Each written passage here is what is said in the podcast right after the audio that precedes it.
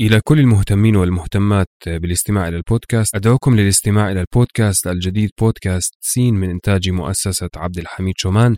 البودكاست من تقديمي وإعدادي وأيضا يمكنكم أن تجدوا رابط البودكاست في وصف الحلقة.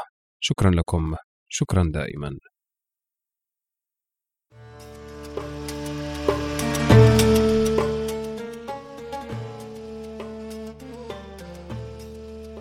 كان يا مكان في قديم الزمان وسالف العصر والأوان ملك يدعى شهريار يحب الاستماع إلى قصص الإنس والجان. وكانت جاريته شهرزاد تقص عليه في كل ليلة قصة. هذا بودكاست ألف ليلة وليلة الموسم الثالث.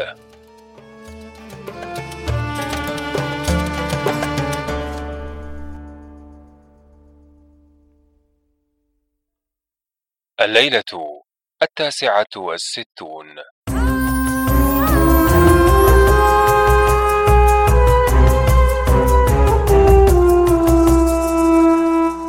حكاية الملك عمر النعمان مع ولديه شركان وضوء المكان.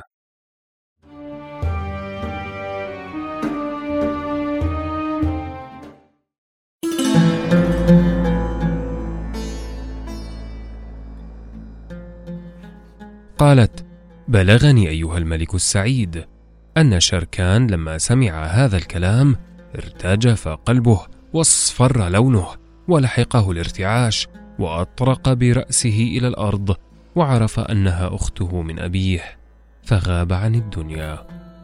فلما أفاق صار يتعجب ولكنه لم يعرفها بنفسه وقال لها يا سيدتي هل أنت بنت الملك عمر النعمان.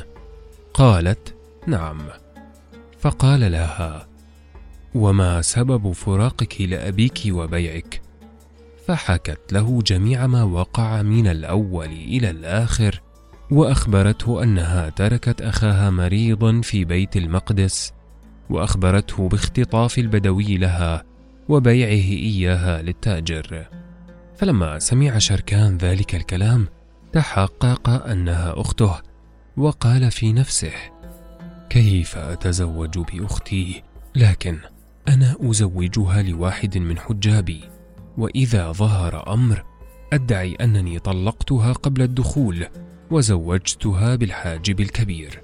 ثم رفع رأسه وتأسف وقال يا نزهة الزمان أنت أختي حقيقة وأستغفر الله من هذا الذنب الذي وقعناها فيه.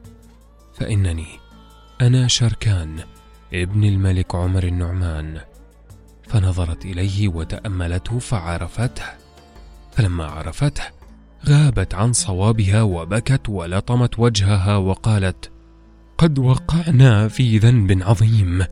ماذا يكون العمل؟ وما أقول لأبي وأمي إذا قالا لي من أين جاءتك هذه البنت؟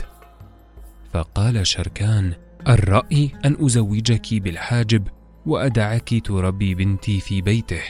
بحيث لا يعلم أحد بأنك أختي. وهذا الذي قدره الله علينا لأمر أراده. فما يسترنا إلا زواجك بهذا الحاجب قبل أن يدري أحد. ثم صار يأخذ بخاطرها ويقبل رأسها فقالت له وما تسمي البنت؟ قال أسميها قضى فكان. ثم زوجها للحاجب الكبير ونقلها إلى بيته هي وبنتها فربوها على أكتاف الجواري وواظبوا عليها بالأشربة وأنواع السفوف. هذا كله وأخوها ضوء المكان مع الوقاد بدمشق.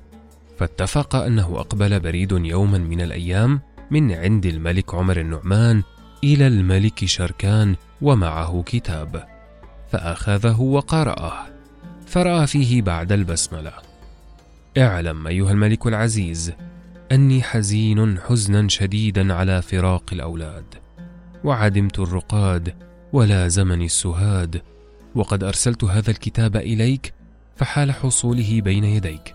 ترسل إلينا الخراج وترسل صحبته الجارية. التي اشتريتها وتزوجت بها. فإني أحببت أن أراها وأسمع كلامها لأنه جاءنا من بلاد الروم عجوز من الصالحات وصحبتها خمس جوار قد حازوا من العلم والأدب وفنون الحكمة ما يجب على الإنسان معرفته ويعجز عن وصف هذه العجوز ومن معها اللسان. فإنهن حزن أنواع العلم والفضيلة والحكمة. فلما رأيتهن أحببتهن وقد اشتهيت أن يكن في قصري وفي ملك يدي لأنه لا يوجد لهن نظير عند سائر الملوك. فسألت المرأة العجوز عن ثمنهن فقالت لا أبيعهن إلا بخراج دمشق وأنا والله أرى خراج دمشق قليلا في ثمنهن فإن الواحدة منهن تساوي أكثر من هذا المبلغ. فأجبتها إلى ذلك ودخلت بهن قصري وبقين في حوزتي. فعجل لنا بالخراج لأجل أن تسافر المرأة إلى بلادها وأرسل إلينا الجارية لأجل أن تناظرهن. وأدرك شهرزاد الصباح فسكتت عن الكلام المباح.